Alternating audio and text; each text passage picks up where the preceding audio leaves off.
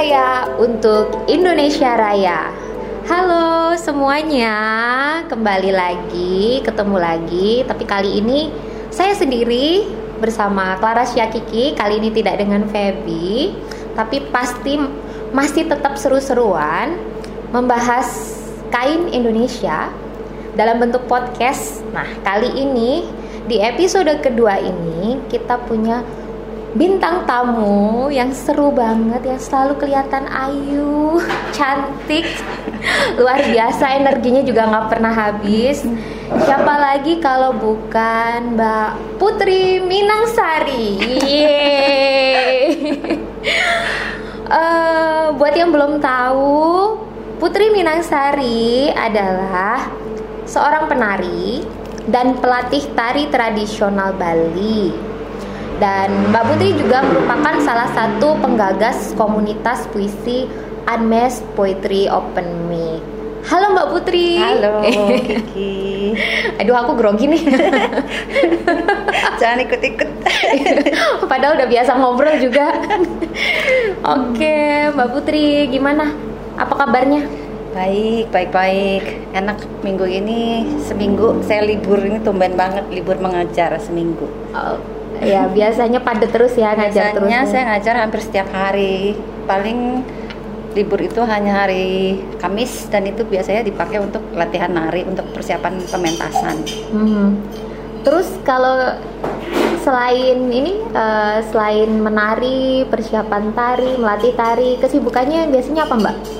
Uh, ya itu itu saja sih. Maksudnya dalam sehari saya bisa mengajar 2 sampai 3 kelas. Mm -hmm. Dan uh, saat ini sekarang kita lagi ada persiapan pementasan di Galeri Indonesia Kaya mm -hmm. untuk bulan Juli nanti dan itu lumayan banyak yang harus dipersiapkan. Mm -hmm. Juga ada persiapan ujian para murid-murid dari berbagai studio kami. Oh ada ujiannya ya? Ada, ada setiap tahun. Kalau nggak ujian nanti murid-murid itu nggak ada nggak ada goal ya. Oh. Jadi mereka nggak hafal-hafal. Kalau begitu biasanya udah tahu mau ujian langsung pada ngebut menghafalkan tarian. Oh. Kalau nggak mereka santai-santai aja narinya. Mantep ya. Makanya pada serius ya? Iya harus. harus ya. um, ini kalau kita lihat ya, uh, aduh, aku tuh biasanya lihat aku tuh ngikutin apa sih namanya media sosialnya Mbak kan jadi follow uh, follower Mbak gitu kan dan mm-hmm. suka banget liatnya Mbak tuh selalu memperlihatkan apa ya kecintaan pada kain tradisional kita gitu kan mm-hmm. terus itu semua kayak menular gitu loh anak-anak atau murid-murid tari Mbak tuh semuanya jadi kayak suka berkain gitu saya juga ngelihat foto-foto mereka tuh berkain nggak cuman pas uh, pentas tapi juga pastinya pas latihan yeah, ya yeah. pas latihan aja tuh mereka apa ya uh, memadu-madankan ya, yeah. mematchingkannya yeah. itu tuh keren-keren gitu loh. Jadi uh, apa ya berusaha untuk have fun-nya atau bersenang-senang dengan kainnya itu tuh nggak cuman di pas pentas tapi juga pas latihan gitu dan aku seneng banget mbak ngelihatnya itu ya, itu bagian semarak. dari bagian dari serunya latihan buat mereka jadi yang tadinya hanya melihat saya dan baru mengerti bahwa sebenarnya kebaya itu nggak harus uh, dari bahan yang ketat atau menye nggak menyerap keringat tapi banyak juga dari kaos dan brokat-brokat itu sekarang dari bahan yang mulur. Jadi mereka hmm. lihat terus mereka coba oh kok lucu kok enak kok cantik kalau difoto dan inilah yang memberi mereka motivasi untuk akhirnya ah pakai ah gitu. Jadi seperti apa setiap latihan itu jadi seperti uh, ajang bagi mereka untuk, aduh saya ngerasa Indonesia sekali gitu. Jadi setiap latihan tuh kayak ditunggu-tunggu ya. Iya, makin semangat larinya. itu saya senang sekali melihatnya. Iya, latihan, difoto gitu kan. Cantik-cantik. Oke, okay, uh, eh, kalau gitu Mbak, uh, sebenarnya bagaimana sih awal kenalan Mbak dengan Wastra?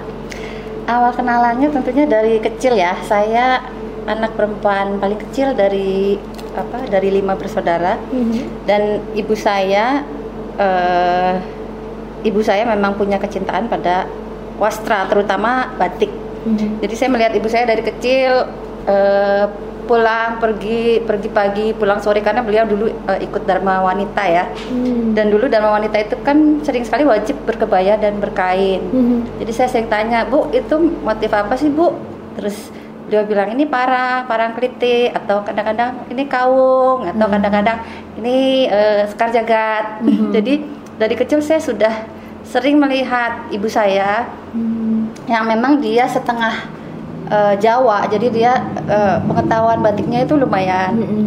dan dia juga saya melihat sampai sekarang pun saya melihat eh, ibu-ibu yang berbatik itu menurut saya ibu saya seleranya cukup baik dalam memilih Hmm. batik itu Hmm. dia cukup apa eh, berselera lah jadi Hmm. eh, itu yang membuat saya mulai mencintai wastra dari kecil Hmm. kemudian eh, karena kami tinggal berpindah-pindah karena ayah saya almarhum dulu bekerja di eh, instansi ya kejaksaan Hmm. ya kejaksaan agung jadi kami tinggal berpindah-pindah termasuk saya saya pun lahir di Sumatera Oh gitu. makanya nama saya ada Minang Sarinya Oh. sebenarnya saya orang Bali maksudnya ayah saya Bali ibu saya Bali tapi ibunya dia Jawa jadi ibu saya ada Mhm. unsur Bali dari ayahnya ibunya Jawa Timur kemudian dia besar di Lombok jadi Oh. eh, kain-kain dari tiga daerah itu eh, sangat mewarnai masa kecil ibu saya kemudian karena kami sempat tinggal di Sumatera bertahun-tahun beliau juga mengoleksi soket, Songket. Sumatera kemudian batik Palembang jadi memang apa macam-macam Mhm. wastra yang mewarnai eh, masa kecil saya sampai besar gitu kemudian eh, juga karena kami orang Bali yang selalu tinggal di luar Bali saya nggak pernah tinggal di Bali ya Oh, gitu. jadi lahir di Sumatera kemudian apa eh, besar di Jawa eh, di Jakarta dan di Bandung jadi ayah saya selalu menekankan pada kami karena kami berempat perempuan semua ayah saya selalu bilang kalian harus dekat dengan akar bagaimana caranya adalah dengan selalu menari Hmm. kalau tinggal di sebuah kota yang tidak ada sanggar tari, beliau akan memanggil orang Bali yang ada di situ yang bisa mengajar nari. Jadi dipanggilkan guru ataupun kalau ada tempat les, beliau sendiri yang mengantar dan tentunya waktu latihan nari itu pakai kain. Jadi Mhm. Pakai kain itu juga udah jadi bagian dari kehidupan sehari-hari saya. Mhm. Dan kami juga sering ke pura tentunya ya kalau Mhm. sembahyang dan Mhm. sembahyang ke pura itu kan harus, Harus berkain. kain. Jadi dari kecil saya memang terbiasa untuk berkain berwastra. Oke, oh gitu. Jadi apa ya? Mendekatkan dengan akar, Akar, ya. iya. Ya. Oke.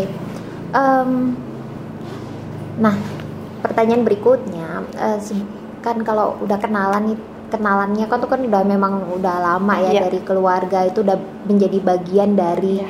apa keseharian ya keseharian. Nah, eh, kalau yang bikin Mbak Putri sendiri jatuh cinta sama wastra tuh sebenarnya apanya gitu? Oh Ya. kalau cintanya ya karena dilihat dari segi estetikanya saja sudah indah ya. Mm-mm.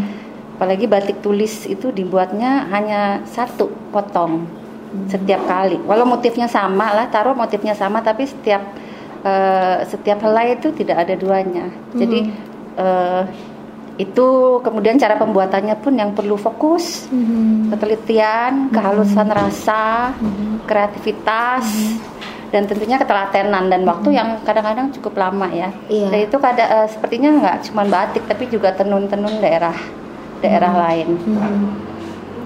Selain itu juga yang bikin saya mencintai adalah wastra itu kan identitas nasional ya. Itu milik kita. Gimana Iya. kita nggak cinta gitu. Sesuatu yang begitu indah, Mhm. milik ya tanpa kita harus susah payah kita lahir sudah punya gitu. Iya, Jadi sudah ada. Iya, sudah ada tentunya itu jadi apa? kebanggaan buat kita. Mhm. Tuh. Eh, kalau menurut Mbak sendiri sebenarnya fungsi kain tradisi itu apa aja sih? Wah, fungsi kain ya.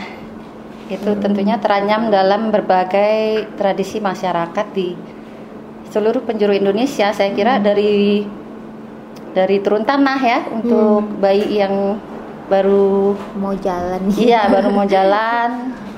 Kemudian eh, lamaran, perkawinan, naik jabatan, Mhm. eh, melahirkan, Mhm.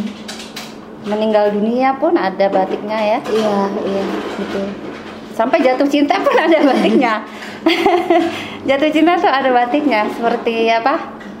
Kalau untuk pria kalau mau menyatakan cinta itu batiknya ada madu bronto. Iya. kemudian kalau perempuan lagi jatuh cinta itu bisa pakai macam-macam sih. Kalau perempuan lebih banyak Iya. opsinya ya. Ada semen rantai ada teruntung gitu. Iya, tapi itu menurut saya itu sangat menarik.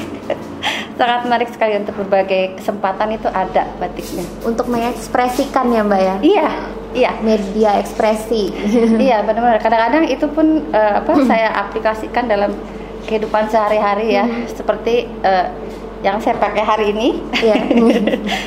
Gimana Mbak bisa diceritakan sebentar yang hari ini? Yang hari ini saya pakai saya apa uh, uh, jadi curhat.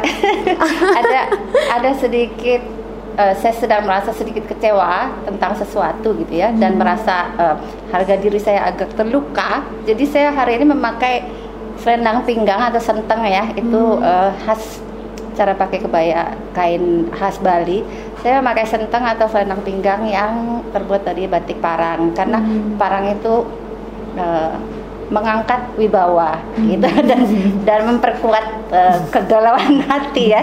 Jadi saya memilih hari ini saya mau pakai parang untuk membantu uh, diri sendiri. Menurut saya filosofi batik itu bagus-bagus sekali dan karena umurnya apa uh, sudah ada sejak ratusan tahun. Jadi uh, saya pikir itu sesuatu yang mengandung esensi ya. Mm-hmm. jadi ya uh, nggak ada salahnya gitu kita aplikasikan dalam kehidupan modern.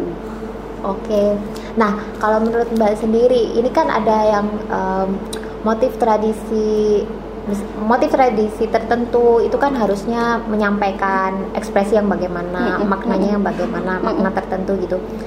Uh, misalnya gini deh parang kan uh, tadi mbak kan bilang bahwa parang tuh um, media ekspre, ekspresi yang menyatakan uh, cocok buat mengungkapkan kekecewaan tapi sekaligus sebenarnya untuk menguatkan ya. menguatkan mengangkat, mengangkat har harga, diri, harga diri dan gitu, kewibawaan. kewibawaan. kalau misalnya nih kalau kita nih anak-anak muda ya uh, mau pakai kain-kain tertentu tapi enggak sesuai pas dengan apa ya maksud atau maknanya dari si kain itu ya. itu menurut mbak gimana?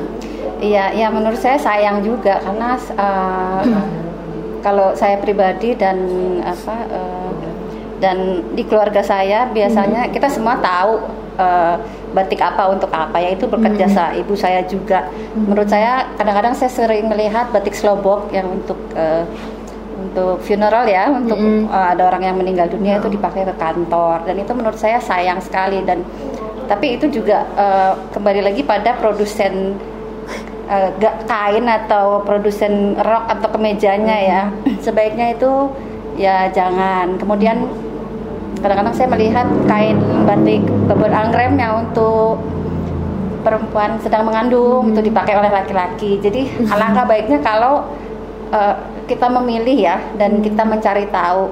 Maksudnya ya supaya apa ya supaya cocok dan supaya mengangkat uh, memberi faedah pada diri kita sendiri juga hmm. bukan buat siapa-siapa gitu. Tapi ya ada kemauan untuk memakai batik aja sih sudah bagus segitu aja saya sudah bersyukur apalagi anak muda masih mau pakai batik itu alangkah baiknya alangkah bagusnya Oke, jadi sedikit mau tanya nih Mbak, Mbak kan uh, sudah punya dua anak remaja nih. Ya. Hmm. Gimana sih cara mengajarkan kepada anak Mbak sendiri? Ini bisa ya berbagi ya, um, supaya mereka bisa menggunakan kain, mengenakan kain yang semestinya gitu kan, bisa yang sesuai dengan ekspresi seharusnya gitu terus di dalam uh, acara yang bagaimana gimana sih cara mbak untuk uh, mendorong mereka supaya bisa menggunakan wastra dengan baik itu uh, ya tentunya kalau ada acara-acara apa upacara keagamaan kita semua hmm. memakai kain ya hmm. Cara apa kamen laki-laki tentunya untuk anak saya yang laki dan kamen perempuan. Untuk anak saya yang perempuan. Dan itu dari kecil uh, saya sudah arahkan dan jadi mereka besar dengan udah terbiasa ya. Hmm. dan karena sudah sedari kecil mereka udah nggak inget tahu-tahu bisa aja gitu ya. Dan apa uh, ya betah sih mereka kalau makanya itu betah karena ya itu ada lagi ada rasa bahwa karena mereka anak-anak remaja yang besar di Jakarta jadi hmm. ada rasa bahwa seakan-akan mereka mendekatkan diri dengan tanah leluhurnya kalau mereka memakai baju seperti itu dan itu mungkin uh, suatu perasaan yang menyenangkan ya buat hmm. mereka kan nggak setiap hari nggak seperti saya yang hampir setiap hari harus berkain dan berkebaya. Berarti bisa disimpulkan cara orang diaspora untuk mengingat uh, akarnya itu adalah oh, bisa iya. menggunakan iya, kain iya, gitu ya iya. dan itu mesti diajarkan sejak dini gitu iya, kan kalau iya. enggak tidak akan mendapatkan kenyamanan itu ya ya ya jadi putri saya yang besar itu dia kuliah di Jepang sudah selesai sekarang. Tapi sebelum dia berangkat dia sudah uh, saya kasih crash course ya. Pakai kebaya itu begini pakai kain itu jangan lupa ya dari dari kiri ke kanan. Jangan kebalik. Jadi dia di sana dia dengan bangga dia cerita aku di di kampus ngajarin adik-adik mama. Gitu. Jadi hmm. apa itu juga memberi nilai tambah. Untuk yeah, dia dan iya, memberi iya. kebanggaan pada dia saya tuh bisa gitu dan yeah. banyak adik-adik angkatannya yang belajar dari dia hmm. itu juga buat dia kayaknya membanggakan justru ya apa ya ketika kita apa ya paham sadar akan akar kita justru itu membuat kita self esteemnya malah makin tinggi gitu iya gitu. iya banget kadang-kadang kalau uh, kalau kita tinggal atau pergian ke luar negeri tapi dengan memakai wastra sendiri itu kan ada keingintahuan ya dari dari penduduk lokal dan mereka akan bertanya dan mereka biasanya nggak pernah uh, tidak pernah ada ada apa ada uh, reaksi yang negatif mereka selalu mengagumi gitu yeah. dan itu membuat kita yang wow padahal kalau di Indonesia kayaknya nggak dilirik gitu ya iya. biasa aja kain bisa apa ya? bisa jadi salah satu hal untuk memulai pembicaraan, ya. saling mengenal ya. gitu ya. Identitas nasional Identitas karena mereka eh dari mana? Where are you from? Ya. Gitu kan? ya. Langsung. Oke. okay. Um, nah kalau ini Mbak, nah, saya kan nih ketahuan ya kalau saya suka kepoin media sosialnya Mbak. Selain menari, mengajar tari, bahkan juga ternyata mengajar lukis juga ya seni lukis. Oh kadang-kadang. Jarang-jarang sekali, ya dan juga apa sih namanya uh, gemar berpuisi ya kan? Nah uh, menurut mbak sendiri apa sih hubungan kain tradisi dengan seni lainnya yang digeluti mbak Putri? Seperti tari itu sendiri lukis ataupun puisi bahkan ya seperti itu kalau lukis dan puisi, uh, saya tidak begitu melihat hmm. kaitannya ya. Hmm. Setidaknya dengan dengan praktek melukis dan praktek berpuisi yang saya lakukan, paling-paling hmm. uh, saya sering tampil membaca puisi dengan berkain gitu. Hmm. Tapi kalau menari itu jelas, seperti tadi saya bilang dari kecil karena saya menari dan menari itu selalu pakai kain, jadi saya terbiasa uh, memakai kain. Kalau misalnya uh, datang ke latihan nari misalnya hmm. tanpa kain nggak nggak bawa kain itu dengan hanya pakai jeans itu rasanya kadang-kadang aneh dan apa um, agem atau postur itu juga sepertinya kurang tertahan oleh si kain dan itu hmm. membuat tarian itu seperti terasa tidak maksimal hmm. jadi hmm.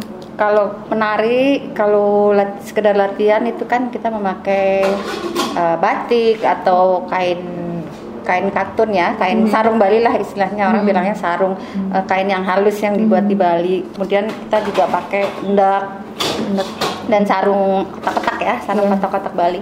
Sarung kotak-kotak Bali ini unik karena dia sangat mirip dengan uh, tenun Makassar ya. Hmm. Tapi zaman dulu ternyata uh, si kain kotak-kotak ini termasuk barang uh, luxury gitu, barang hmm. mahal. Jadi yeah. kalau di foto-foto Bali zaman dulu itu kalau orang pakai kotak-kotak itu sebenarnya mereka itu yang berada justru hmm. gitu ya uh, jadi jadi orang yang berada gitu bisa bisa bangsawan bisa juga uh, apa itu uh, pedagang yang kaya gitu ya hmm. uh, jadi uh, ya kembali lagi itu yang kita pakai kalau latihan sekarang kayak kayak kayak tenun yang kotak-kotak hmm. batik rendak hmm. kalau untuk pentas sendiri kita biasanya pakai kain katun yang di Prade itu juga hmm. dibuatnya di Bali. Hmm. Juga kita memakai endek tapi biasanya endeknya yang buatannya yang halus ya kalau hmm. untuk pentas. Hmm. Kemudian untuk lamak atau hiasan dada untuk tari legong itu lamak biasanya kita uh, kalau misalnya dari kain itu dari tenun Bali. Hmm. Kemudian songket Bali juga kita Hmm. pakai kadang-kadang untuk menari songket Bali beda dengan songket Sumatera karena Hmm. kalau songket Sumatera itu penuh sekain makanya dia berat ya Iya, iya. Songket Sumatera itu bisa berkilo-kilo kalau kalau ditumpuk kalau songket Bali dia lebih ringan karena dia kain tenun kemudian ada bagian-bagian yang disongket itu saja jadi eh, dia masih visible lah untuk dipakai menari gitu nggak terlalu berat, Berat. dan panas gitu Iya. Oke. Nah, eh, kalau menurut Mbak sendiri, bagaimana sih kondisi kain tradisi kita ini? kondisi kain tradisi kita ya terus terang eh, masalahnya yang sering terlihat adalah mahal mahal ya makin cantik makin mahal Iya. tapi ini wajar tapi juga eh, karena membuatnya ya sulit dan makin ke sini memang Butuh makin waktu lama iya tapi ini membuat sering kain tradisi itu jadi tidak accessible Mhm. jadi eh, tidak semua orang bisa memiliki dan memakai dan menikmati gitu ya Mhm. jadi opsinya adalah ya kalau di Bali banyak eh, banyak hmm, kreasi orang Bali karena mereka cukup kreatif ya. Mereka akan membuat misalnya songket Bali tapi print gitu.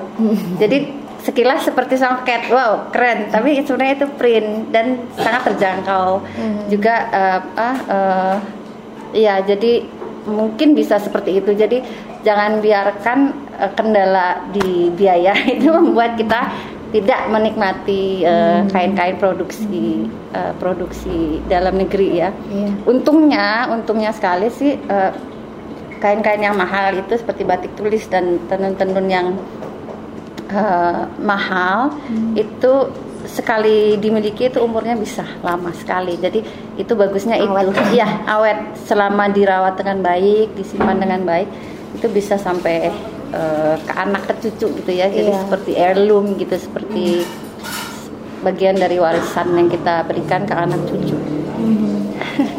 Eh, kalau pandangan Mbak sendiri misalnya ya eh, dengan eh, produksi batik yang secara masif, hmm, batik dan tenun sih sebenarnya Mm-mm. secara masif, Mm-mm. tapi diproduksi oleh eh, perusahaan tekstil sehingga itu menjadi batik print itu bagaimana Mbak?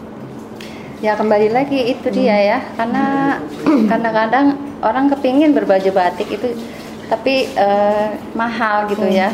Tapi sebenarnya begini kalau misalnya kita eh, mau sedikit repot mencari ya batik caplis atau eh, eh, batik cap atau cap tulis itu sebenarnya masih terjangkau. Iya. Tapi eh, ya memang mungkin harus ke lebih dekat ke pengrajinnya, misalnya ke Solo atau ke Jogja. Iya. Di situ masih di bawah 100.000 ribu ya, bisa masih bisa, bisa. kita beli. Jadi sebenarnya eh ya saya sebenarnya kurang kurang setuju dengan dengan print sampai berbal-bal ya. Itu juga tidak nggak elok ya menurut saya. Dan panas dipakainya juga nggak enak.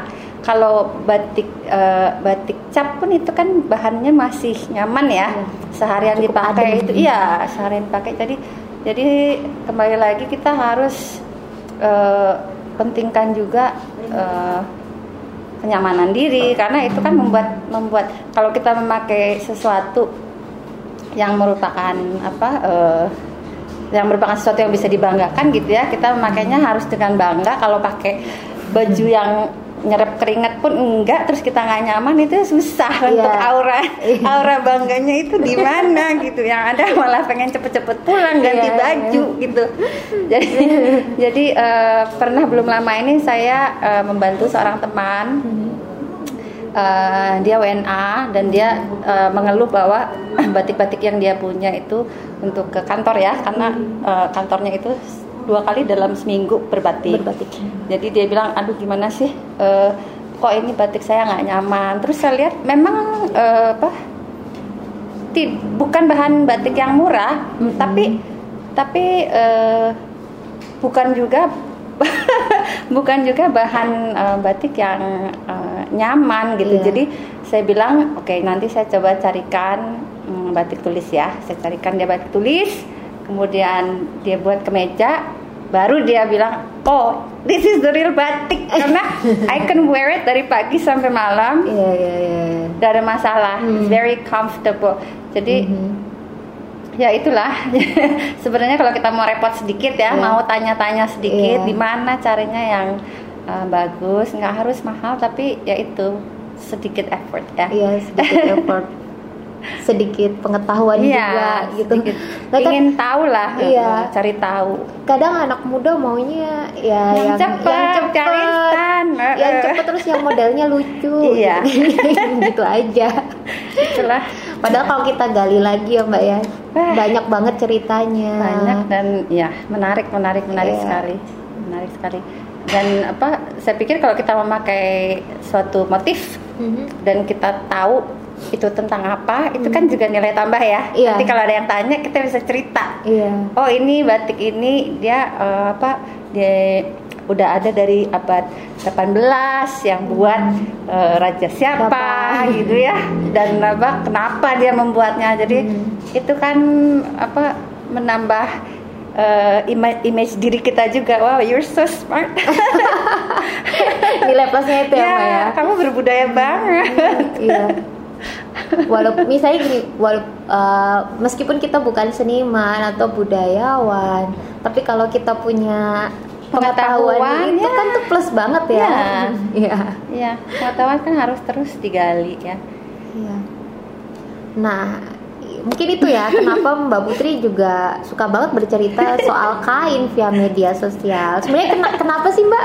Apa saja alasannya? Ya, terus terang saya baru mulai eh, Instagram, mulai main Instagram itu 2014. Cukup telat dibanding teman-teman yang lain. Hmm, eh, dan saya merasa cocok sekali di Instagram karena itu eh, visual ya. Mhm. Dia benar-benar eye candy gitu. Mhm. Tapi saya eh, melihat bahwa eh, eye candy eh, visual itu harus juga ditemani oleh caption yang eh, edukatif. Saya senang sekali, eh, saya senang sekali membuat caption yang edukatif karena biar baga- bagaimanapun saya pengajar ya, saya guru. Jadi selalu ada keinginan untuk eh, kalau saya mempost sesuatu harus add something to yang melihat dan Iya. membaca. Jadi kadang-kadang memang orang kan cuma hanya lihat foto nggak baca ya. Hmm. Jadi ya itu masalahnya mereka. Tapi alangkah baiknya kalau tolong dibaca juga ya Iya. captionnya. Jadi karena itu saya senang misalnya hari ini saya pakai kain kebaya tertentu Mhm. kemudian uh, apa uh, saya tulis caption ini terdiri dari ini ini ini motifnya ini artinya ini. Karena harapan saya mudah-mudahan orang tidak menganggap itu pamer tapi uh, mereka lebih menangkap rasa apa uh, cinta saya sama si batik ini Iya, ya. iya. saya mengharap sih begitu. Tenang aja Mbak, itu, itu, itu, ya, itu yang memang ditangkap. Ah, eh, mudah-mudahan. saya sebagai salah satu follower Mbak pengikut Mbak ya, karena ketara mana yang pamer dan mana yang memberikan Aduh, nilai edukatif. karena kadang-kadang eh, nggak gampang ya mencari Hmm. suatu motif batik yang saya belum punya gitu. Hmm. Jadi eh, saya beruntung karena banyak lungsuran dari ibu gitu ya. Hmm. Tapi kadang-kadang yang ada yang termasuk dalam lungsuran itu ada yang saya nggak punya, ada yang Hmm. tidak termasuk dan saya harus cari sendiri. Mhm. Dan itu kadang-kadang huntingnya itu cukup lama. Jadi Iya, begitu iya. dapat, wih senangnya bukan main, senang sekali dan apa? Kalau saya ceritakan seperti itu, selama ini yang saya lihat orang jadi banyak ingin tahu ya. Mereka DM DM saya, iya. Hmm. gitu ya? Dan, oh, dan ini membuat saya makin semangat untuk Oh. eh, mengedukasi, terutama dalam hal batik ya. Hmm. Terus eh, apa? Ya itu jenis-jenis kain batik untuk apa, Hmm. filosofinya, terus ya. Biasanya DM-nya gitu ya, lebih ke Iya, pengetahuan jadi lebih. lebih yang dapatnya di mana Mbak? Terus udah Oh. gitu eh, itu kalau bisa pakai acara ini itu cocok nggak dan sebagainya. Oh, jadi itu saya iya. saya senang sekali gitu. Jadi dari semua apa? Dari semua batik-batik yang ada dalam koleksi saya, Mhm. kan batik itu ada macam-macam ya, Iya. dari berbagai daerah. Mhm. Jawa Tengah, Jawa Timur, eh, Jawa Barat pun banyak gitu. Iya. Eh, tapi ada eh, setelah makin ke sini, setelah bertahun-tahun saya eh, berburu dan mengkoleksi saya uh, saya merasa jatuh cinta sama tiga macam batik. Iya. Terutama ada tiga macam batik yang saya merasa dekat dengan uh, apa ya dengan diri saya dengan karakter Mhm, saya mhm. itu dan tiga-tiganya dari Jawa Timur mungkin Mhm. karena mungkin karena orang Bali itu kan dulu dari Eh, pelarian dari Majapahit ya Dari Majapahit. dari Kediri mungkin terasa dekat karena Bali nggak punya batik kesian ya orang Bali itu nggak punya batik kita semua batik kita itu batik Jawa termasuk batik yang apa eh, lokcan itu ya yang Nah. sangat populer di Hmm. Bali itu kan dari Jawa Hmm. gitu Mhm. jadi batik yang saya suka itu tiga Iya. yaitu batik Apa Madura mhm. batik Ponorogo Mhm. Dan batik Tuban Oke. Jawa Timur semua Iya. kan? Bisa diceritakan kenapa tiga itu? kayak batik batik Madura itu karena eh, saya melihat bahwa dia sangat bold Mhm. jadi eh, kontras ya Warnanya ya, warnanya menyala. dan bentuk-bentuknya dia agak kasar Mhm. nggak seperti batik Solo yang Iya. ya gitu ya yang Iya. kalem Ah. lembut halus kecil-kecil dia agak kasar tapi eh, tidak pernah membosankan Mhm. jadi itu yang saya senang dari batik Madura dan kemudian untuk eh, pemakaian warna merah Mhm. itu mereka pakai juga untuk daun jadi nggak cuma untuk bunga Mhm. tapi daun juga Mhm. kadang-kadang merah jadi yaitu seperti anak kecil yang krayon dengan semangat gitu ya Iya. nggak peduli warnanya cocok apa enggak tapi Iya. ayo aja gitu jadi saya senang eh, melihat keberanian dalam Boldnya ya. boldnya nah kalau batik Ponorogo eh, sempat redup batik Ponorogo ini sempat redup dan apa baru baru mulai bangkit lagi jadi saya sempat temu beberapa helai yang saya Hmm. lihat ih ini bagus sekali jadi eh, Ponorogo itu dia motifnya lebih banyak ke Jogja dan Solo ya jadi Mhm. kawung parang Mhm. tapi eh, apa eh, warna latarnya itu gelap Mhm. dan gelapnya itu warna-warna yang saya suka semua coklat tua, Coklat tua. biru tua, hitam, Hitam. gitu jadi jadi itu yang membuat saya suka. Hmm. Eh, orang suka pikir batik Ponorogo itu identik dengan motif reok, Hmm. padahal sebenarnya mereka baru-baru saja mulai membatik dengan motif, Motif reok. Itu berhubung reok dari Ponorogo ya, Iya. tapi itu eh, tidak termasuk eh, motif yang saya suka. Saya suka motif eh, Jawa, motif Jogja Solo yang mereka eh, Kembangkan ya. mereka buat dalam gaya gaya Gaya Ponorogo. ma- gaya khas Ponorogo. Nah kalau batik Tuban ini dia kayaknya satu-satunya deh batik di Jawa yang dibuat di atas kain tenun. Mhm. Jadi mereka menenun sendiri Tenun dulu. eh, eh, bahannya, Mhm. namanya batik eh, gedogan ya Gedokan. Gedogan karena bunyinya dog dog dog dog dog kalau di tenun itu. Iya. Jadi bahannya digedok dulu, ditenun dulu, baru kemudian dibatik. Mhm. Dan warna-warnanya itu merah, coklat Iya. antara kota dan motifnya pun motif klasik seperti Mhm. apa? Seperti apa? eh, phoenix gitu ya, kembang walu. Mhm. Itu ya saya suka sekali. saya suka banget batik Tuban. Warnanya tuh ini ya kayak apa ya? Alam gitu, Iya, warna alam. iya, gitu merahnya kan. merah, Heeh. merah, ta- merah bata ya, Heeh. bata, merah marun, merah bata. banget nih. Oh, ternyata itu ya tiga Tiga batik tiga batik kesukaan saya. kesukaannya. Em, nah, eh, ada nggak sih mbak? Itu kan kalau tadi kan batik ya, tiga batik kesukaan. Kalau ada nggak sih mbak kain atau ceritanya yang menarik atau berkesan banget? Kalau ada boleh ceritain. Hmm, apa ya? Eh, kain, wah eh, tadi kan saya udah cerita kalau eh, sentang atau selendang pinggang yang saya pakai ini buat eh, buat menaikkan semangat ya. Iya. Kalau kainnya yang saya pakai hari ini ini juga favorit saya Oh, karena dia ya jadi ini hadiah ulang tahun saya tahun berapa ya? 2016 Mhm. ya beberapa tahun yang lalu. Ini batik tulis dia eh, batik Solo tapi latarnya putih seperti batik Jogja. Mhm. dan dia motifnya motif gringsing yang saya sangat sangat suka jadi motif gringsing eh, isen isen atau isian eh, gringsing ini seperti sirip ikan. Dan saya kan berbintang Pisces ya. Jadi apa-apa yang saya senang sekali nggak tahu kenapa motif gering apa isen geringsing itu saya sangat suka. Kemudian sekilas ini motifnya uh, seperti ikan ya, seperti ikan yang berhadapan-hadapan dan itu sekilas kok seperti Pisces. Yang menghadiahi saya itu uh, uh, mungkin berpikir bahwa ini seperti Pisces. Sebenarnya setelah saya lihat-lihat ini bukan Pisces, uh, bukan ikan, ya. tapi mimi mintuno.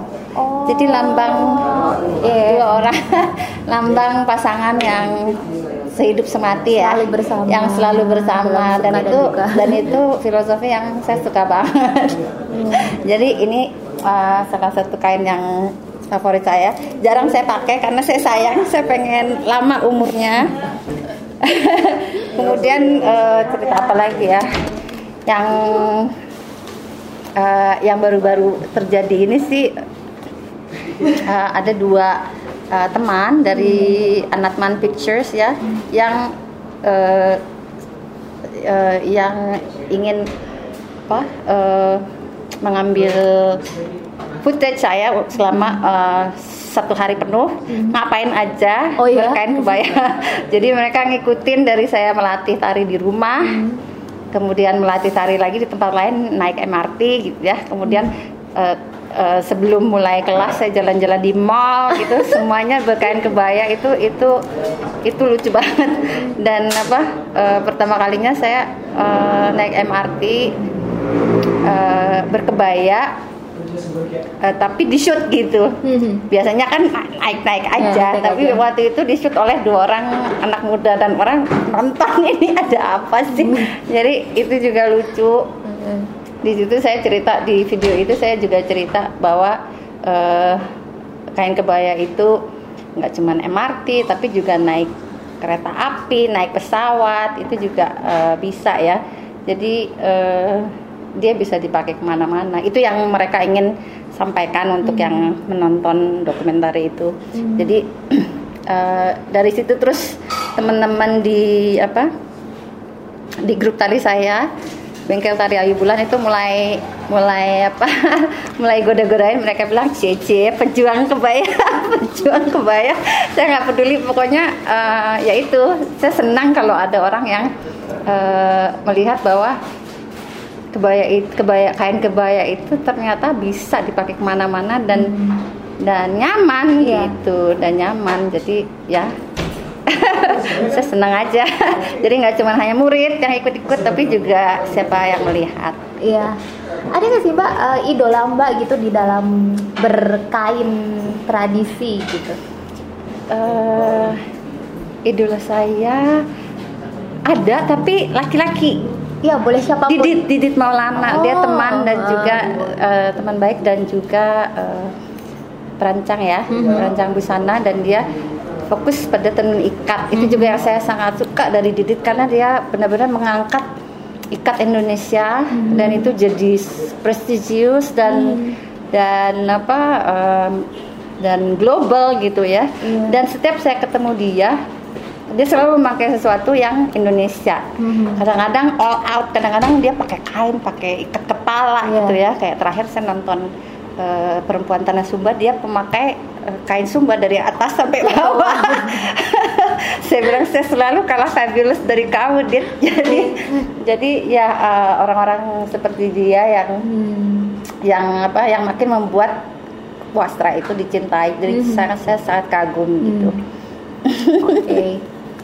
Um, tadi kan Mbak udah bilang nih um, apa sih namanya bahwa kebaya, kain kita itu bisa dipakai di dalam uh, acara apa pun, di mana saja bahkan bila berkendara umum pun ya, ya. di MRT, pesawat, nyetir apa aja, nyetir bahkan Ini ya. Ini nyetir tadi. Iya. pakai pakai kain itu, itu bisa gitu kan. Um, sebenarnya kan padahal di sisi lain ya orang-orang di luar sana tuh, duh ribet banget sih pakai kain, duh ribet banget sih pakai sarung kayak gitu. Nah pasti jawabannya kalau menurut Mbak Putri nggak ribet gak, dong. Gak ribet nah sekarang sekali. gimana sih caranya supaya itu semua tuh jadi nggak ribet gitu loh Mbak? Oke, okay, hmm. jadi uh, saran saya sih eh, bikin mudah untuk diri sendiri ya. Iya. Nggak usah terlalu muluk-muluk gitu. Kalau misalnya merasa, aduh aku kayaknya sumuk deh kalau pakai kebaya, carilah kebaya yang dari bahan kaos atau kebaya yang lengan pendek ya. Eh, kemudian bisa juga pakai tank top atau sleeveless blouse gitu ya. Jadi nggak harus kebaya kan pakai kain itu. Yang penting eh, pakailah sesuatu yang bisa menonjolkan keindahan kainnya. Mhm. Dan untuk kain itu sendiri eh, apa kan banyak batik yang lemas ya. Mm-mm. Batik yang lemas itu banyak itu nggak harus di stagen tapi bisa juga diikat si batik itu diikat di pinggang atau di ya direka-reka sendiri ya. Udah banyak sekarang di YouTube cara-cara pakai kain Cara untuk sehari-hari ya. Iya. Kemudian kalau mau yang benar-benar apa eh, benar-benar langkahnya lebar, pakailah sarung. Iya, jadi sarung itu mau loncat, mau naik eh, go, mau naik ojek itu Iya. di kita nyaman karena Iya. dia seperti celana tapi dia Lebar. kain, Iya. dia lebar. Jadi ya seperti itu, permudahlah untuk diri sendiri tapi jadi jangan sampai akhirnya jadi kapok gitu. Hmm. Coba dulu gimana yang mudah, gimana yang pas untuk ke saya, untuk postur tubuh saya. Hmm. Jadi lama-lama terbiasa gitu. Nah nih Mbak, kalau misalnya nih ada yang komentar gini, ih Mbak Putri kan penari, badannya kan pasti bagus gitu. Nah kalau badan saya berlemak di sini, berlemak di sana, tuh gimana tuh tipsnya? ya itu uh, memakai memakai apa pun ya mau pakai baju apa pun kalau kita punya punya perasaan seperti itu ya serba salah gitu ya tapi uh, pada intinya memakai apa pun jangan terlalu khawatir dengan uh, pendapat atau uh, pandangan orang ya Mhm. kembali lagi ke kenyamanan kita sendiri yaitu permudah diri sendiri permudah eh, baju seperti apa yang nyaman untuk saya. Jangan cepat menyerah pada eh, apa ah udah jelek gitu. Terus nggak jadi. Pokoknya jangan cepat menyerah pada eh, anggapan juga jangan cepat menyerah pada anggapan bahwa ini eh, apa eh, kurang modern atau nanti orang mikir saya kayak orang gila gitu ya. Itu itu yang saya lihat sering sekali eh, jadi alasan orang untuk ah nggak ah males ah gitu.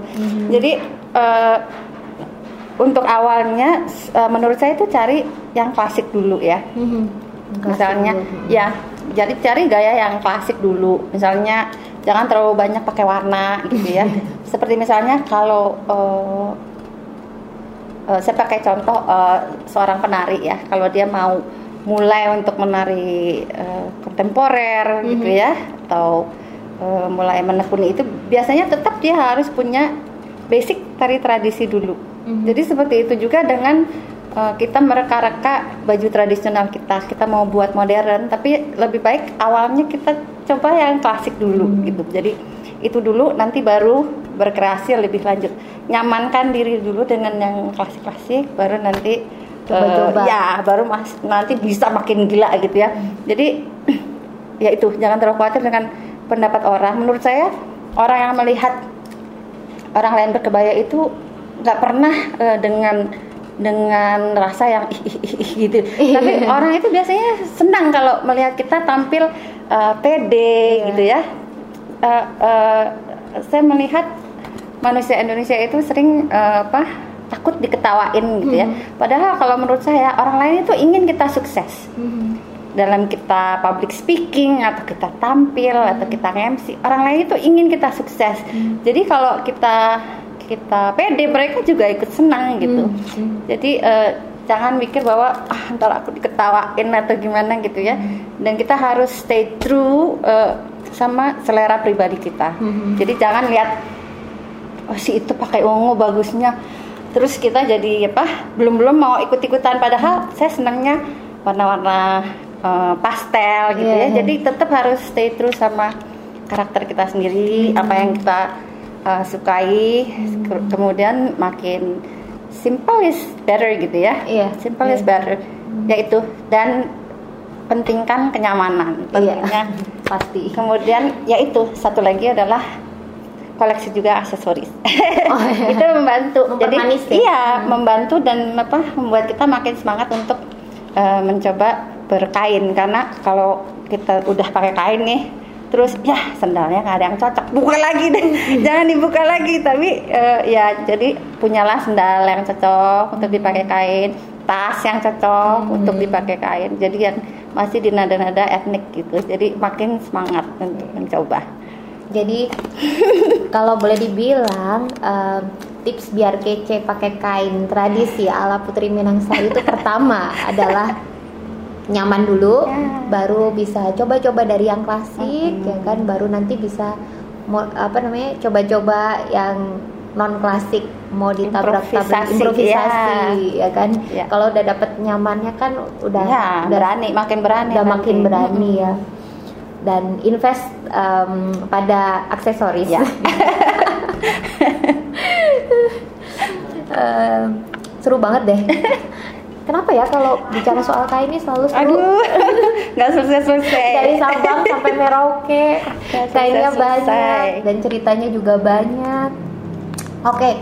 uh, kayaknya ini nggak seru nih kalau misalnya kita hmm, tidak mendengar langsung bagaimana uh, Mbak Putri yang juga suka menulis puisi, ya kan?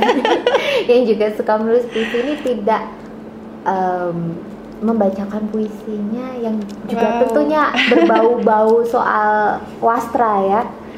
Nah, mungkin ini di sesi-sesi akhir ini ya sebelum kita menutup semuanya kita okay. mau dengarkan puisi dari Mbak Putri. Yang ini pernah dibacakan ya Mbak ya waktu itu? Pernah. 2016 ya. 2016 udah lama juga. Udah lama banget ya. itu acaranya Ageman udah lama. Waktu itu juga nama acaranya Wastra Raya. Ya, karena itu balik lagi uh, dengan keinginan kami untuk membuat wastra kita semakin raya gitu. Karena kalau wastra Indonesia itu raya, maka Indonesia itu sendiri akan semakin raya. Amin. Oke Mbak boleh dibacakan. Dulu, waktu aku belum lahir, cerita ibu. Di saat bapak dilantik menjadi seorang kepala jaksa di awal-awal karirnya. Ibu mengeluarkan sehelai batik tulis bercorak banji.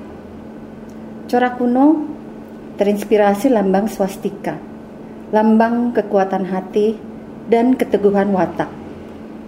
Dengan malu-malu ia berfoto di samping bapak. Dengan kebaya putih dan batik itu lengkap dengan selendangnya. Fotonya masih ada. Waktu aku lulus kuliah dan di wisuda, ibu hadir bersampir batik sederhana, bermotif udan liris, hujan gerimis. Simbol ketabahan dalam mengarungi kehidupan. Hatinya yang bijak tahu, hidup dewasaku baru akan kumulai, dan pasti berkelok berbatu. Di upacara pertunanganku, ibu hadir. Dibalut kain batik bercorak pamiluto. Dengan motif cantik, segitiga-segitiga saling menempel seolah-olah dilem. Konon tanda pemerkuat cinta. Walau ada segurat keraguan di wajah ibu, apakah aku sudah benar-benar siap mengarungi bahtera rumah tangga? Di upacara turun tanah anak pertamaku, ibuku jadi nenek berparas paling bahagia. Digendongnya sang cucu dengan sinjang kain batik garutan halus berwarna-warni. Di atas kebaya dari kain cuputan pelangi Palembang yang juga berwarna-warni. Kata ibu, anak kecil harus dipaparkan pada warna-warna cerah semata. Minggu lalu, waktu aku ke rumah ibu, ku cari ia ke sudut ruang tidurnya. Ketemu ia sedang menisik batik tulis teruntum tua kesayangannya. Kain hadiah dari bapak almarhum. Ada sobek sedikit nih di bawah, katanya. Matanya berbinar sendu tapi indah. Setiap tahun di bulan Juli, di upacara Hari Kejaksaan, saat istri-istri para pendiam jaksa diundang, ibu memakai kain itu untuk mengingat kekasihnya. Tetap ya berfoto dengan malu-malu. Biarpun tanpa bapak. Ibu saya aku selalu tahu pada setiap kain pilihanmu. Ada doa ada harapan ada kenangan ada pengertian. Oh. aduh Terima kasih Mbak Putri. Sama-sama.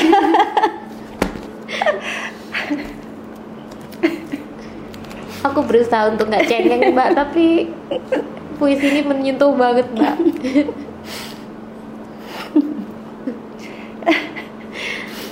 Sorry.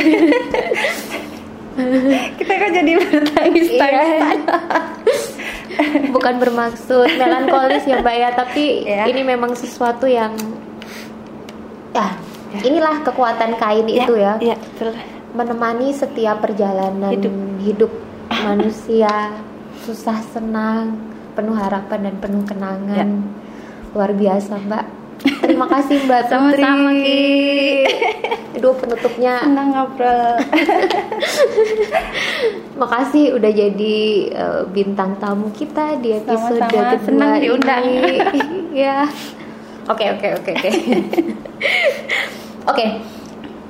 Eh, untuk yang ingin mengikuti cerita-cerita Mbak Putri tidak hanya soal tarian tapi juga soal kain tradisi kita silahkan uh, follow di Instagram Instagram uh, at poetry reading ya kan? Tidak ada underscore langsung saja poetry reading Putri Minangsari. Nah dan jangan lupa juga follow uh, podcast kita dan Instagram kita supaya tahu uh, ada updates updates berikutnya uh, di @wastraraya. Baik, uh, untuk menutup, mari kita uh, mengucapkan salam Wastra Raya untuk Indonesia Raya. Yeay.